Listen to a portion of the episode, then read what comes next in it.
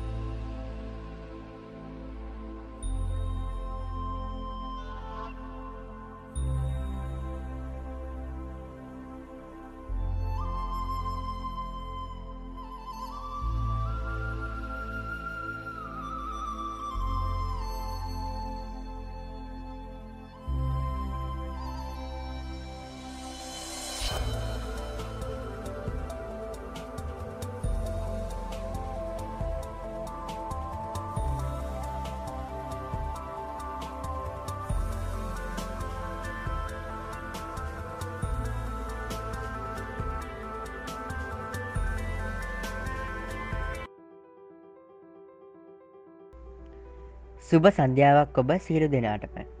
Blue Wife FM travel with රවියන් මහහි වැඩසහන අද අපි ලංකාවාසී සියලු දෙනාටම ඉතාමත් සුවිශේෂී. ඒ මොකද කියලා කිව්වොත් අපි අද යන්න හදන්නේ ශ්‍රීපාදයට. ශ්‍රීපාදය යනු සමනල කන්ද මුදුනේ පිහිට ඇති සිරිපතුල සහ ඒ ආශ්‍රිත ගොඩනැගී ඇති බෞද්ධ සිද්ධස්ථානයක්. එහි බුදුරදුන්ගේ වම් සිරිපා සලකුණ පිහිටලා තියෙනවා. සමනල කන්ද ශ්‍රීපාද කන්ද සබරකම් පලාතේ රක්නපුර දිශ්චික්කයේ අඳුකර ප්‍රදේශයේ පිහිටල තියෙනවා. එය මීටර් දෙදස් දෙසිය හතලිස්තුනක් පමණ උසයි. ශ්‍රීපාදස්ථානය බෞද්ධයන්ගේ පූජනීය වන්දනා ස්ථානයක්.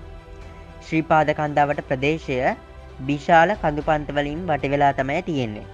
එහි අලි කොට්ටි බලස්වාදී සත්වයෝ මෙන්ම ඒක දේශික සත්ව විශේෂ ජීවත්වෙනවා. ශ්‍රීපාද කන්ද වෙතට මාර්ග හයකින් පමණ ළඟාවිය හැක. එම මාර්ගහය ලෙස රත්නපුර පලාබද්දල හැටන් නල්ල තන්ති කුරුවිට එරන්නත උර්යාවත්ත මුකුවත්ත සහ මාලින් බොඩ යන මාර්ග හැඳින්විය හැක. මෙම මාර්ග හය අතුරින් ලල්ල තන්ති හා පලාබද්දල මාර්ග ඉතා ප්‍රසිද්ධය. ශ්‍රීපාදස්ථානය ඇති ඓතිහාසික වටනකම නිසාම විවිධ ජනවර්ග තමන්ට ආවේනික නම්වලින් ශ්‍රීපාදස්ථානය හඳුන්වන. ශ්‍රීපාද යන නාමය ඇත් අතීතයේ සිටම්ම එනම් බුද්ධ වර්ෂ දෙසිය තිස්සය පෙර සිටම මෙම පූජනය කන්ද හඳුන්වනවා. එය පාලි භාෂාවේ නිර්මාණය වූ වචනය. බෞද්ධයන් විශ්වාස කරන පරිදි බුදුරජාණන් වහන්සේ ශ්‍රීපාද කඳුමුදුනේ උන්වහන්සේගේ වාම සිරිපතුල සලගුණ කොටල තියෙනව කියල තමයි විශ්වාස කරන්නේ. දමිල වැසියන් ශ්‍රීපාදස්ථානය සලකන්නේ ඔවුන්ගේ දෙවි කෙනෙකු වන ශිවදෙවියන් පාසටහන සලකුණ කොට ඇති ස්ථානය ලෙසයි. නමුත් අනෙකුත් ජනයා විශ්වාස කරන්නේ ආදම් ලෝකෙට පැමිණ මිට ඔහුගේ පාසටහන කඳුමුදුනේ සල සලකුණු කොට ඇති බව කියලා තමයි අනිත් අය විශ්වාස කරන්න. ශ්‍රීපතස්ථානය සමනල කන්ද ලෙසද හදුන්වල තියෙනවා. එසේ සමනලයන් උන්ගේ වාර්ෂික සංශ්‍රමණයේදී ශ්‍රීපාදස්ථානයේ වාසය කරන බව සලකන බැවි. සුමන සමන් දෙවියන් ශ්‍රීපාදස්ථානයේ වාසය කරන බව සලකා සමන්තකූට යන නමින්ද ශ්‍රීපාදස්ථානය හඳුන්වනවා. මීට අමතරව රත්නගිරේ ස්වර්ග රෝහනම් යන නම්වලින් ද ශ්‍රීපාදය හඳුන්වනවා. නමුත් මෙහි සැබෑ අයිතිය සිංහල බෞද්ධයන් සතුයි. එය ඔවුන්ගේ වසර දෙදස් පන්සියක අධික ඉතිහාසය පිරිසා බැලීමේදී මනාව පැහැදිලි වේ. ඉරෙන්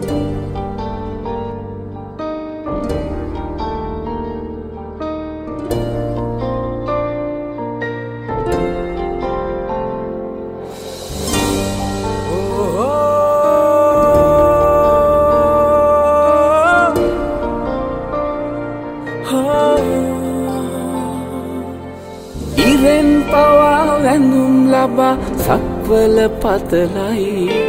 හිතෙන් පවා වඳිම් වඳිම් හිත්වල සුවයයි. පිනෙන් මවා පෙනෙන්නේ බුදුහිමි පාමුලයි. දිනින් හෙටත් රැකගනුමැයි සමනොල මහසෑයයි. ඉරන් පවා බැඳුම් ලබා සක්වල පතලයි.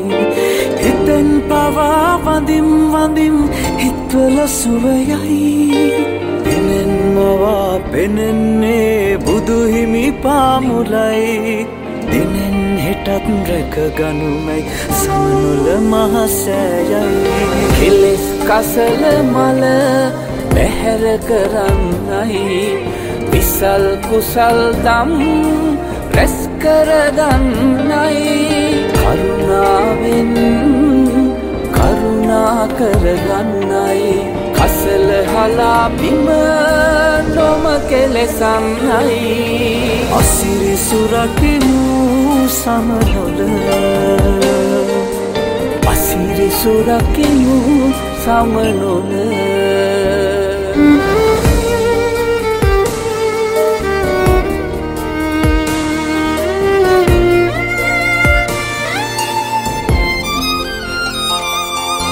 ගෙනා දෙයක් වෙතොත් කෙලෙස් අකුසල් හැර. තබායන්න පාමහසෑ බිමනිසරු කර. මන්නාහිතින් පේවී සම්බුදු සිරිපාමුල. පැටි වඳිමු නොකිලිටි කර පින්බිම සමනොල. සුරකිමු සමනොල. අසිරි සුරකිමු සමනොල.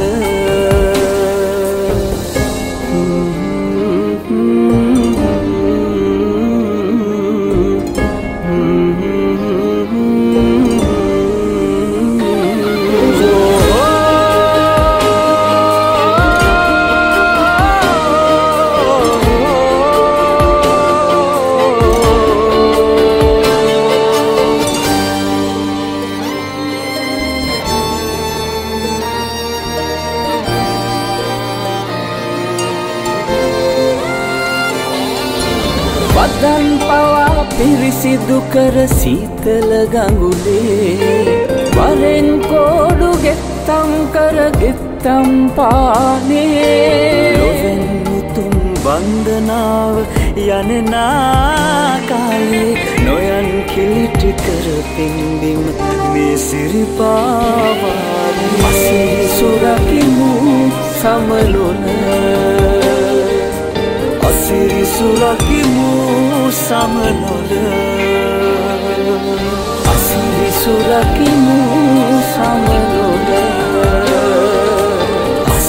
අසිරි සුරකිමු සමනොල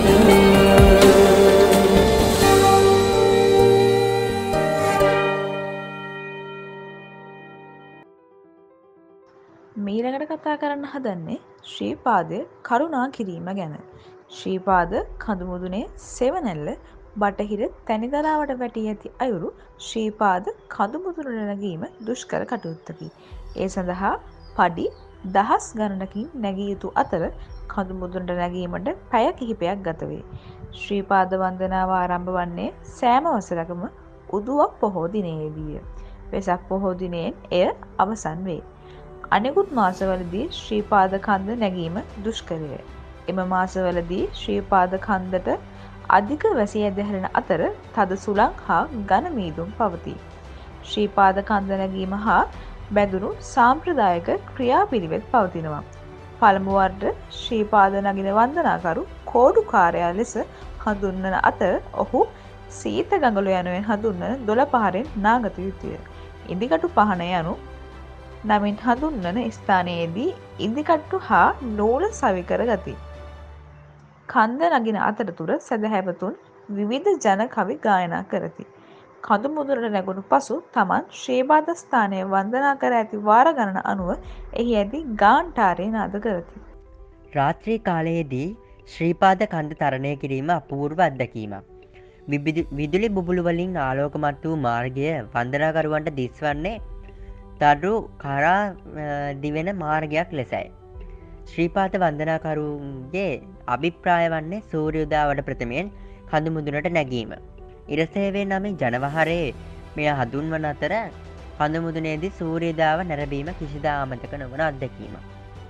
හිරුවැලිය කඳුමුදුරට වැටී අවට තැනිතලා භූමියේ ත්‍රිකෝනාකාර සෙවනැල්ලා පෙන්නුම් කරනවා. හිරුවලියට නැගීමත් සමගම සෙවනැල්ල වේගයෙන් පහතර ගමන් කරනවා. ඒ ඉරසේවේ ලෙස හදුන්වරවා. සබදි සාහිත්‍ය ක්‍රිස්තුවර්ෂ එද්දස් නමසේ නමේදී ශ්‍රීපාදස්ථානයෙන් විස්සූ අයුරු කතාකරු සමනදගිර ශ්‍රීපාදය හා එය වැඳ පුදාගත් රජවරු පිළිබඳ සඳහන් සෙල් ලිපි ගණනාවකි. මහාවංශයේ දීපවංශය චූලවංශය ආදී වංශ කතාවල හා රාජාවලිය දමදින යුගයේ ලියවුණු සමන්ත කූට වර්ණාවේදී කෝට්ටේ යුගයේ ලියවුණු ග්‍රන්ථ ගණනාවක්ද දක්නට පුළුවනි. ශ්‍රීපාදය පිළිබඳ මුලින්ම ලිඛිත සාක්ෂියක් හමුවන්නේ හතරවනි සියවසේ රචිත පුරාතන ග්‍රන්ථයක් වන දීපවංශයය. දීපවංශයේ ශ්‍රීපාදස්ථානය හඳුන්වා ඇත්තේ සමන්ත කූට ලෙසිනි. තවද පස්වනි සියවසේ රචිත මහාවංශයේ බුදුන් වහන්සේ ශ්‍රීපාද කඳුමුදුරට වැඩි බවද සඳහන් වෙනවා.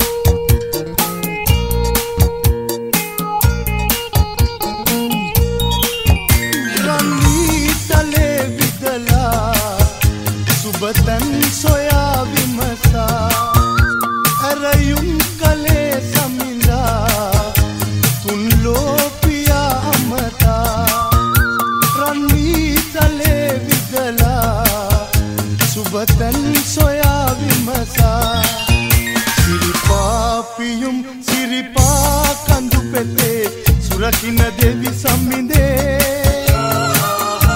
සුමන සමන් දෙවින්දේ වැඩවසනා ශ්‍රීපාදේ අඩවියේ මතු බුදුවන්න සමිඳේ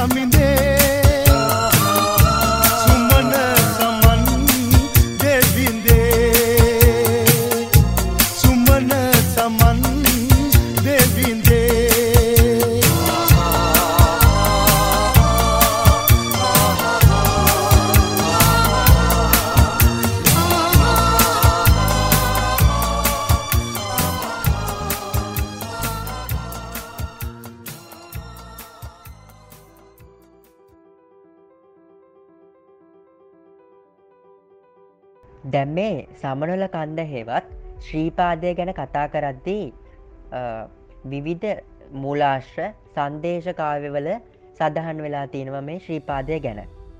කෝට්ටේ යුගයේ ලියවුණු සැලලිහිනි සන්දේශයේ සමනුල කන්ද පිළිබඳව සදහන් වෙනව කවියකින්. ඒ කවිය තමයි දැම්මේ මං කියන්න හදන්නේ.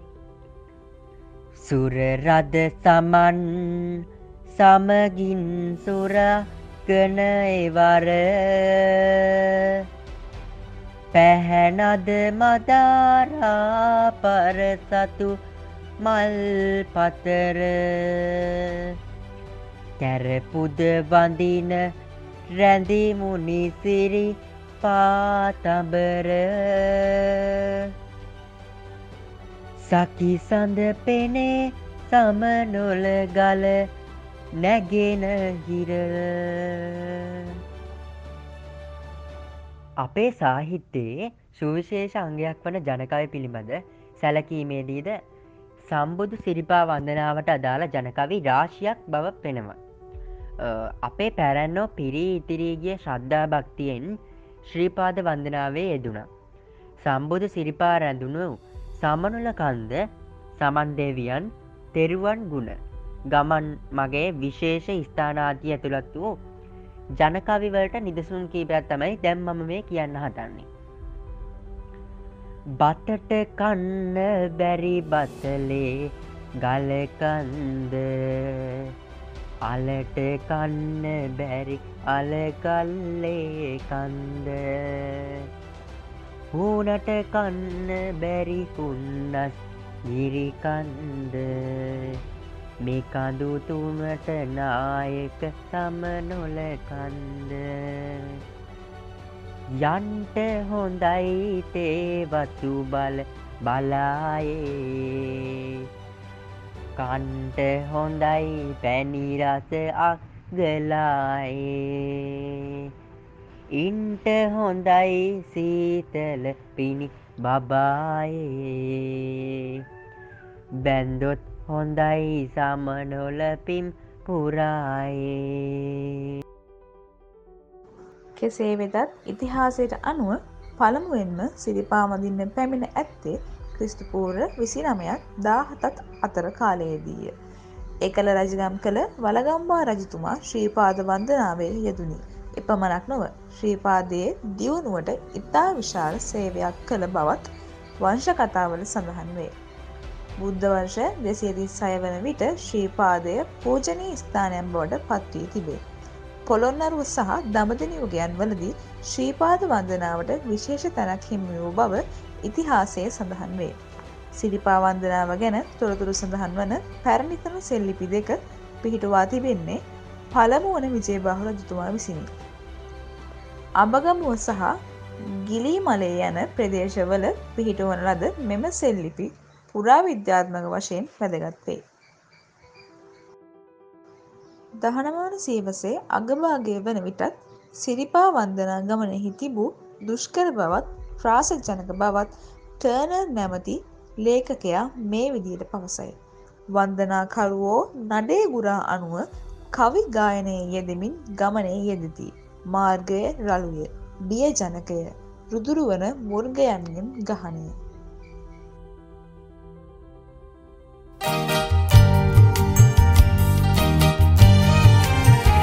මුනී නන්දන සිරිපාද වඳිම් සමනල කන්දේ විහිදෙන මෝක්ෂ සුගන්දේ මුනේ නන්දන සිරිපාද වඳිම් ශ්‍රී ශාන්තී කරුණ ගුණ ආනන්දේ ලැබීලා කරුණ ගුණ ආනන්දේ පිහිටෙන් සුමන සුරින්දේ සිතු පැහැදි. මුනේ නන්දන සිරිපාද වඳිම් සමනල කන්දේ. විහිදෙන මෝක්ෂ සුගන්දේ මුනේ නන්දන සිරිපාද වඳිම් ශ්‍රී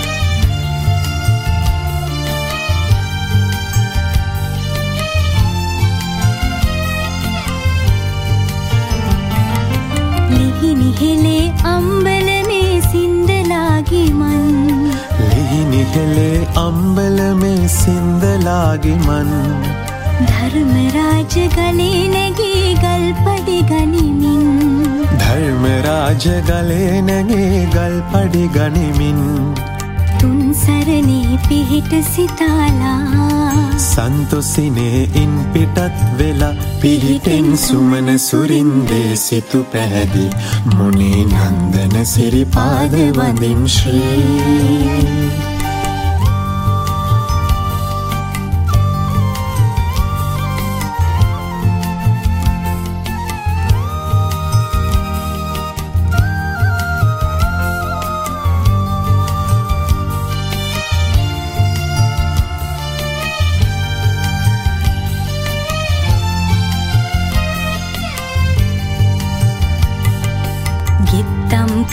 සිරිත ලෙසින ගෙත්තම් පානේ. සීත ගඟුලේ නාලා සැම පඳුරු බැඳගෙනේ ගෙත්තම් කර සිරිත ලෙසින ගෙත්තම් පානී. මළුව පෙනේ යමු නැවතී හැරමිටි පානී. සමන් දෙවි කරුණාවයි නඩේ සැමටම සැපවේ. සමන් දෙවි කරුණාවයි නඩේ සැමටම සැපවේ. පිහිටෙන් සුමන සුරින්දේ සිතු පැහැදි. මුණේ නන්දන සිරිපාද වඳින් ශ්‍රී.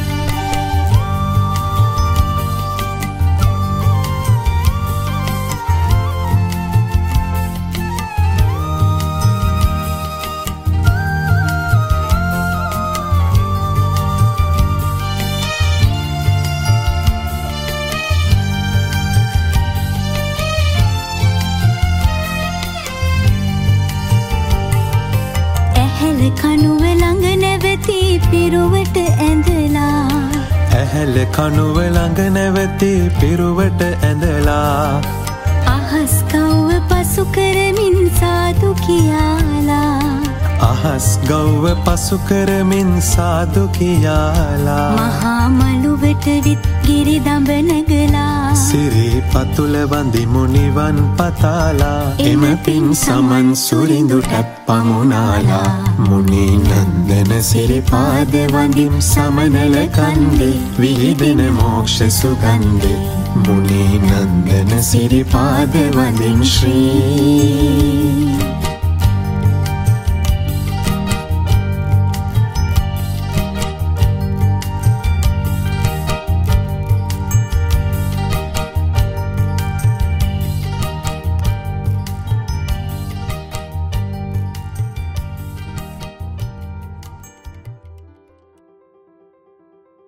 ක්‍රිස්තු වර්ෂ හාරසිය එකොළහා හාරසිය දොළහ දක්වා ශ්‍රී ලංකාව තුළ වාසය කළ පාහියන් භික්‍ෂුවද ශ්‍රීපාදය පිළිබඳ සඳහන් කොට අ, ඇති නමුත් උන්වහන්සේ එය කරුණා කළෙක් වන මාකෝ පෝලෝ ක්‍රිස්තු වර්ෂ එදදාස් දෙසිය අනුවටේදී ලාංකාවට පැමිණි අවස්ථාවේදී ශ්‍රීපාද කන්ද පිළිබඳ සඳහන් කොට ඇතත් එහි පැවති පූජනීය පාදලාංජනයක් පිළිබඳ සඳහන් කොට නොමැති. අරාපි ජාතික දේශගවේශකයෙක් වන ඉබම් බතූතා ක්‍රිස්තු වර්ෂ එදදාස් තුන්සි හතලි සතරයේදී ශ්‍රීපාද කන්ද තරණය කොට ඇති අතර ඔහු පවසන පරිදි වන්දනාකරුවන්ට ශ්‍රීපාද කන්ද තරුණා කිරීමට පඩි පෙළවල් සහ යකඩ කනුවලට සම්බන්ධ කළ යකඩ දම්වැල් තනා තිබී ඇති බව ඔහු අ, සඳහන් කරලා තියෙනවා. අ, ප්‍රසිද්ධ රසායන විද්‍යාඥයකු වන ස හම්ප්‍රි ඩේව්ගේ සහෝදරයකු වන ජෝන් ඩේව් එද්දා සැටසිය දාහතේදී ශ්‍රීපාද කන්ද මුදුරටම තරණය කොට තියෙනවා. කන්ද මුදිනදී ගලහි කැටයම් කරන ලද මැනික් ගල් ඔබ්බ වන ලද පිත්තල වලින් අලංකෘත කරන ලද සා සාමාන්‍ය මිනිස් පාදයකට වඩා තරමක් විශාල අ, වූ පාදලාංචන හමූ බව ඔහු වාර්තාක් වෙලල් තියෙනවා. රාවනා රජු එකල ලංකා පාලනය කර සමයෙහි සිය අගනාව නගනුවර තුළ පිහිටි ත්‍රික්කෝට පර්වතය ලෙස හදුන්ව ඇත්ත මේ ශ්‍රීපාද බවත පුරාවෘතවල සඳහන් වෙනවා. දහනමවන සීවසේදී ශ්‍රීපාදය මසතකයෙහි සිරිපා වන්දනාවේ යන බැතිමතුන්හු යොදාගෙන ඇති විශේෂ වදන් කිහිපයක් තියෙනවා. නඩේ නඩේගුරා කෝඩු කිරිකෝඩු සැහැල්ලුව හිමේ කරුණාවයි පේවීම කටවරද්ද ගැනීම කෝඩේ අම්බලම පත්මය ඉන් කිහිපයකි. වන්දනාකරුවෝ සිරිපා ගමනේ දී එක්කෙනෙකාට සුමන සමන් දෙවියන්ගේ පිහිට ප්‍රාර්ථනා කරති. බෞද්ධයන් විශ්වාස කරන පරිදි බුදුරජාණන් වහන්සේගේ ශ්‍රී පතුල ශ්‍රී පාදස්ථානයට අරක්ගෙන සිටින සුමන සමන්දවයන් විසින් ආරක්ෂා කරගෙන කඳුමුදුනේ වාසය කරයි. රොබට් නොක්ස්ගේ විස්තරය සංස්කරණය රොබට් නොක්ස්ගේ ග්‍රන්ථය මෙම ලාංචනය ආදම්ගේ පා සටහන ලෙස වරදවා හඳුන්වා ඇත. බටහිර ජාතීන් ඒ නිසා සමනලගිර ඇඩම් ස්පීත් යනුවෙන් හඳුන්නයි. නමුත් එය ආදම්ගේ පිය සටහනක් නොවන බව ලෝකයේ හිතුනුවෝ විශ්වාස නොකරයි. මුස්ලිම් භක්තිකයෝ සමනල සිරසේ බබාද මලෙයි ආදම් මලෙයි යනුවෙන්ද භාවිතා කරයි. ශිව භක්තිකයෝ ශිව දෙවියන්ගේ පාසලකුණ එහි පිහිටා ඇතැයි විශ්වාස කරනවා. ඔවුන් එය හඳුන්වන්නේ ශිවන් ඔලිපාදම යනුවෙන්. නමුත් මෙහි සැබා අයිතිය සිංහල බෞද්ධයන් සතු බවට ඔවුන්ගේ බසර දෙදස් පන්සියක අධික ලිකිත ඉතිහාසය මනාව පිරිසා බැලීමේදී සතහන් වෙනවා. මුළු මහත් ලෝකවාසීන්ගේම ගෞරවාදරයට පාත්‍ර වූ තමරල කන්ද බෞද්ධ මැතිමතුන්ගේ මුදුන් මල්කඩසේ සැලකෙනවා. සප්ත කන්‍යයා නම් වූ කඳු පතකින් වට වූ ශ්‍රීපාදය ස්වබාදහම් මාතාවගේ අපූර්වතම නිර්මාණයක් වනවාසේම ශ්‍රී ලංකා දීපයට ආශිර්වාදයක් වී තිබෙනවා.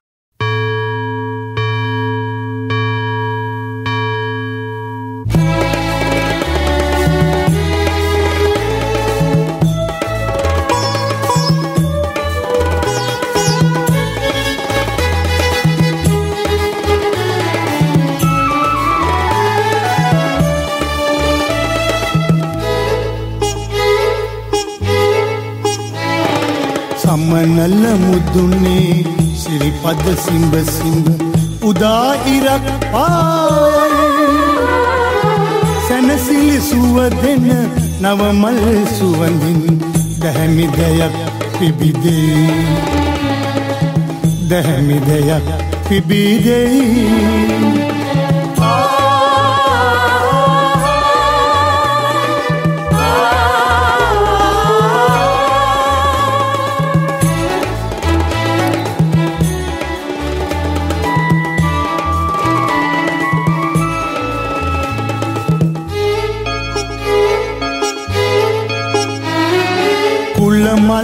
පිබිදෙයි ගන්න බල නොතකන හෙල්ලදය සුදු බුදුරස් පැතීරේ සමමෙත් කරුණා බුදු බණ පදයක සිහිලෙන් රට සැනෙහි. සිහිලෙන් රට සැනෙහි. සමනල්ල මුද්දුනේ සිරිපද සිම්බ සිම්බ උදා ඉරක් පායයි. සැනසිලි සුව දෙන නවමල් සුවඳින් දැහැමි දෙයක් පිබිදේ දැහැමි දෙයක් පිබිදෙයි.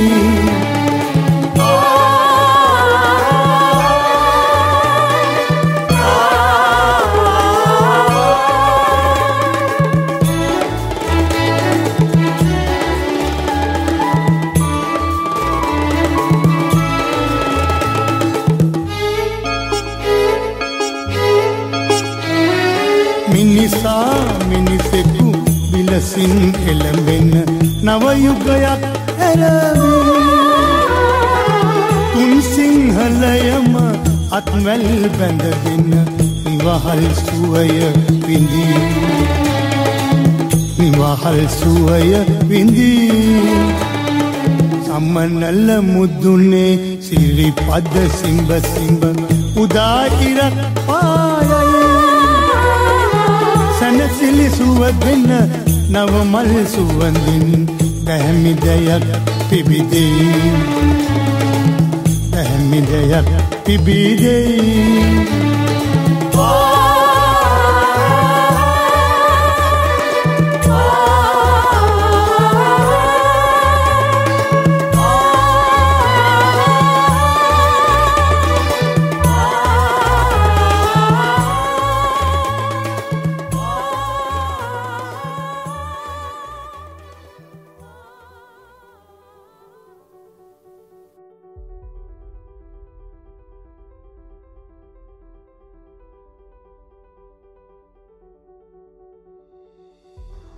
අපි දැන් කතා කරන්න යන්නේ සිරිපා ගමනට ඇති මාර්ග ගැන.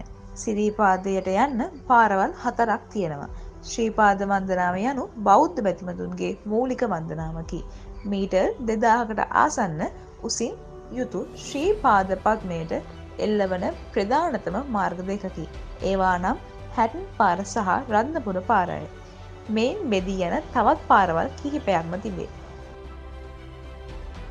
හැටන් පාර වැඩිම පිරිසක් සිරිපා කරුණා කරන හැටන් පාර වනාහි එද්දාස් නමසීයක් ගණන් තරම් මෑතගති හඳුනාගත් මාර්ගයකි. එහි ගමන වඩාත් පහසුය. අද වන විට මාර්ගයේ පහළ සිට ඉහළ පත්මය දක්වාම මාර්ගය හොඳින් තනා පඩිපෙල් අත්වැල් ඉදිකර තිබේ.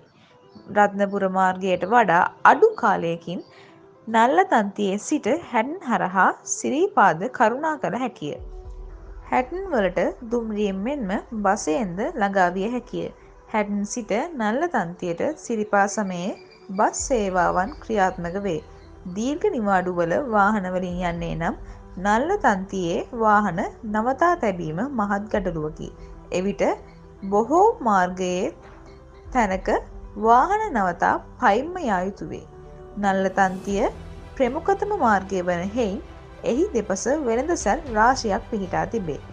ඒවායෙන් අවශ්‍ය ආහාරද්‍රව්‍ය තේවතුර බෙරිමල් ආදිය ලබාගෙන ඒවා කමින් බොමින් විවේකයෙන් වන්දනා කිරීමේ හැකියාව බැතිමතුන්ට හැටන් මාර්ගයේදී උදාවේ. රත්නපුර පාර රජමාවත ලෙස සැලකෙන මෙය සිරිපාදට යෑම් පිණිස පැරැන්නෝ භාවිත කළ මාර්ගයක්. නියම රජමාවත අද පිහිටි පලාතෙන්ම මීට සියවස් ගන්නාවකට පෙර අපේ රජදරුවන් සිරිපා කරුණාවට කරන්න ඇතැයි විශ්වාස කරනවා. එකල අදමෙන් නල්ල තන්නියට හැටන් සිට හරව හරවා යන්නට බස් හෝ වාහන තිබුණේ නැහැ.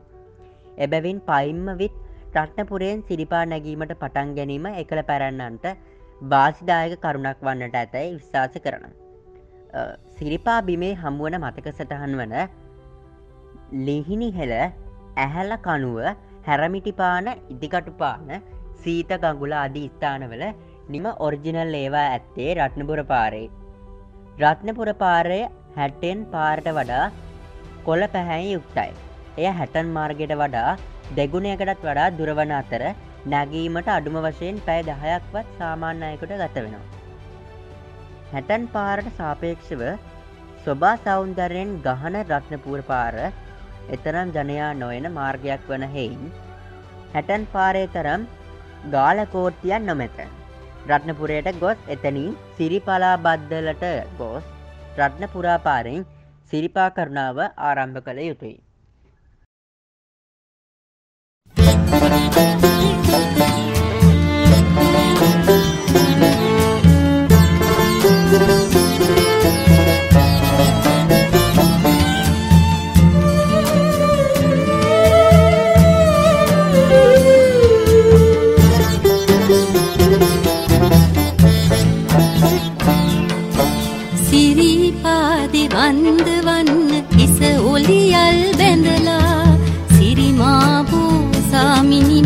පිරිමි පුතෙක් නැතුවා.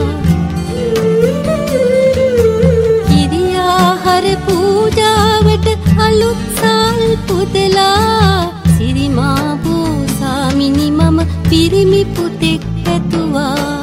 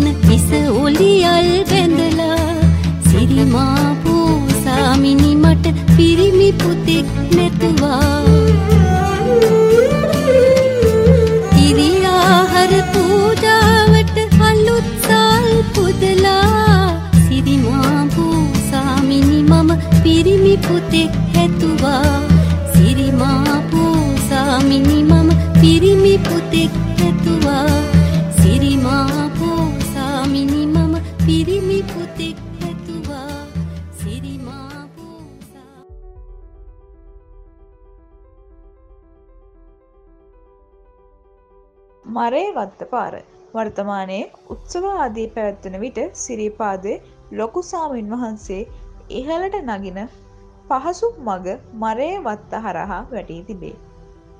එය හැටන් පාරේ ඉහළ තැනකට සම්බන්ධ වේ. හැටන් නල්ල තන්ති පාරය සමනල වැව ජලාශයද පසු කළ විට හමුවන මරේ වත්ත තුළින් කිලෝමීට දහයක් පමණ ගොස් එතනින් ෆිෂින් හට නැමති කදිම නවාතැන් පොල හමුවන ස්ථානය ආසන්නයෙන් ඉහළට මරේවත්ත හරහා සිරිපා මඟ පිහිටා තිබේ. ඇතැම් අය කලින්ම ෆිෂින් හට් බුක් කරගෙන ඉන් පසුව නිවී හැනහිල්ලේ සිරිපා කරුණා කරන බවද සිදු කරනු ලැබේ. එහෙත් සිරිපා සමයට ෆිෂින් හට් බුක් කර ගැනීම අපහසු කාර්යයකි. මෙය පහසුම මගක් වන අතර පැය දෙකකට වඩා අඩු කාලයකින් සාමාන්‍ය අයකුට උඩමරුවට ළඟාවිය හැකිය. දැරණිය ගල උඩමාලිබොඩ මාර්ගය. දැරණිය ගල උඩමාලිගොඩ මාර්ගයෙන් සිරිපා කරුණා කරන්නේ නම් පළමුුව දැරණිය ගලට යායුතුයි. එතනින් බස් රියේ නම් මාලි උඩමාලිබොඩ බසයක් අල්ලගත යුතුයි. බස්ශ්‍රියෙන් ගොස් අවසානයේ තවත් ත්‍රීවිල්ල රථයකින් උඩමාලිබොඩ සිරිපා මගතෙක් යායුතුයි. බස්්‍රිය නවත්වන්නේ උඩමාලිබොඩ තේ පැක්ටරී ආසන්න. එතනින් ත්‍රීවිලය රථයක කිලෝමීටර් තුනක් හතරක් ගෙවා සිරිමා සිරිපා මග තිබෙන තැනට පිවිසිය හැකි. මෙය හරහා සිරිපා ගමන අඩුම වශයෙන් පෑ දොළහක්වත් වැයවන අතර එය දීර්ඝතර ගමනකි. මේ මඟ සම්බන්ධ වන්නේ කුරුවිට එරත්න මාර්ගයේ මැද හරියකට වෙන්න. එතනින් නිහරට නැග ගොස් ශ්‍රන්තපුර මාර්ගයට සම්බන්ධ වේ. මේ දැරියගල උඩමාලි බොඩ මාර්ගයෙන් නියමේදී පාන්දරම උඩමාලි බොඩින් පටන් ගැනීම සිදුන කළහොත් ගමන අපහසුය.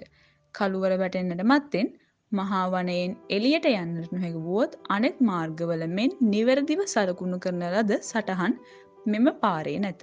එබැවින් වනයට ඇතුළුවීමට උදෑසන කාලයේ තෝරා ගැනීමත් මාර්ගය දන්න අයෙකු සම්බන්ධ කර ගැනීමත් කළ හැකිනම් මනාය. දැම් මේ සිරිපා කරුණාවේ යෙදෙද්දී අපි අනිවාරයෙන්ම කළ යුතු චාරිත්‍රයක් තියෙනවා. මේක චාරිත්‍රය පමණක් නෙවේ. අපේ යුතුකමක්. මත්පැන් මද්‍රව්‍ය පානයකොට පූජනී ස්ථානට යෑම කිසිසේත්ම අනුකත නොකළ යුතුයි. ඒවා පානයකොට නොයකුත් නොසරුප් වදන් කියමින් යන පාපතරයන්ද සිරිපා ගමනේ ඇතැම් විටක බැතිමතුන්ට හමුවනවා. සෑම සිරිපා සමයකදීම මෙන්ම ඉන් පස්සුවත් කුණුටොන් ගණනාව සිරිපා බිබින් ඉවත් කිරීම ලොකු ප්‍රශ්නයක්. කුමන මගෙන් ගියත් අපි ගෙන යන නොදිරනද නැවත පහලටම ගෙනෙවෙත් පහළම ඇති කුණුබක්කිවලට ඒවා බැහැර කිරීම අවට පරිසරය වෙනුවෙන් අපගේ බසර දහස් කරන්න තිස්සේ වදින පුදින ඒ මහා ශාස්ෘවරයන්ගේ පුදබීම වෙනුවෙන් කරන මහත් සත්කාරයක් යුතුකමක්. සමල්ල අඩවිය රිසිසේ විදගන්නට ලැබෙන සිරිපා ගමන නැරබීමට ඔබටත් ආදරයෙන් ආරාධනා කරනවා. සංචාරයේ අවසානයට තමයි ඇවිත් ඉන්නේ ඒත් විශේෂයෙන් මතක් කරන්නේ. ඔබ මේ මොහොතේ නිවසේම සිටින්න සංචරණය සීමා කරන්න. සෞඛ්‍යපදෙස් නිසි පරිදි පිළිපදින්න පරිස්සමින් සිටින්න. සමුගන්නා මොහොතෙත් ඔබ සැමට සුබ දවසක්.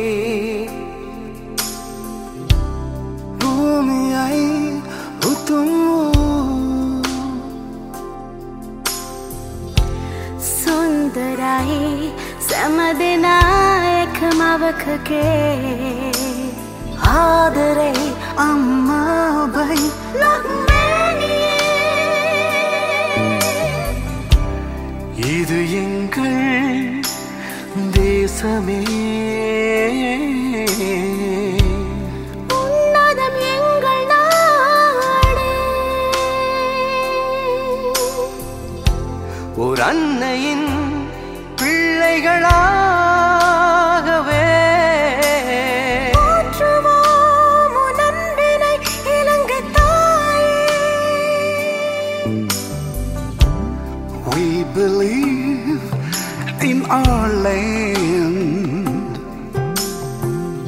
Sri Lanka forever, always strong. Beautiful in every way, in every heart. We love you, we love you, Sri Lanka.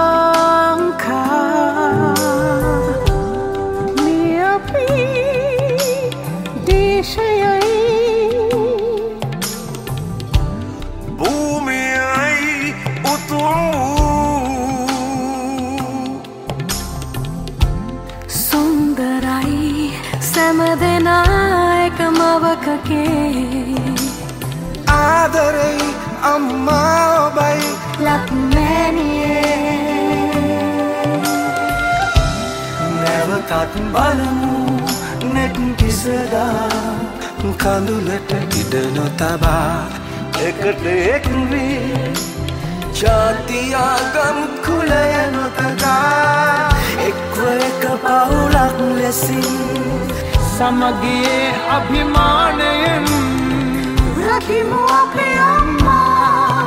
ಅಪ್ಪಗೆ ಅಮ್ಮ ಶ್ರೀಲಂಕಾ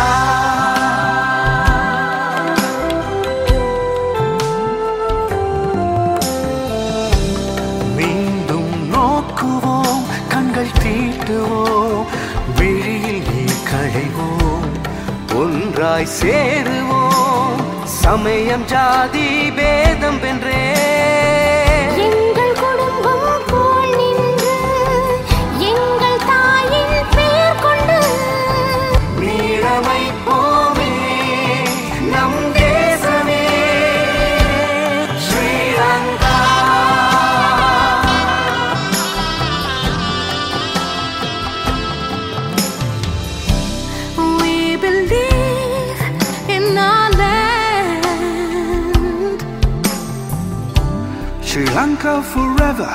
always strong.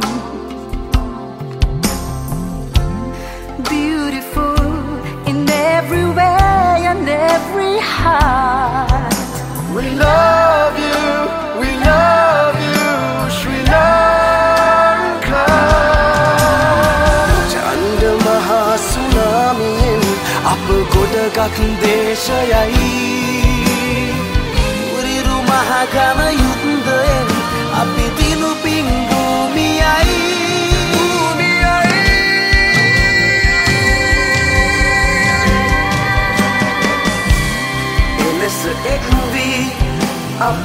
අපි සියලු බාධක දිනුවේ සමගියෙන් නැවත ඉදුවේ පිරිට පයගෙන වෙනස් කර රට සිතන්නට නෑ කල්ගවත් එකම දජයක් යට ඉඳන් සිතමු අපි සැම එක දෙයක් පළමුව රටයි ශ්‍රී ලංකා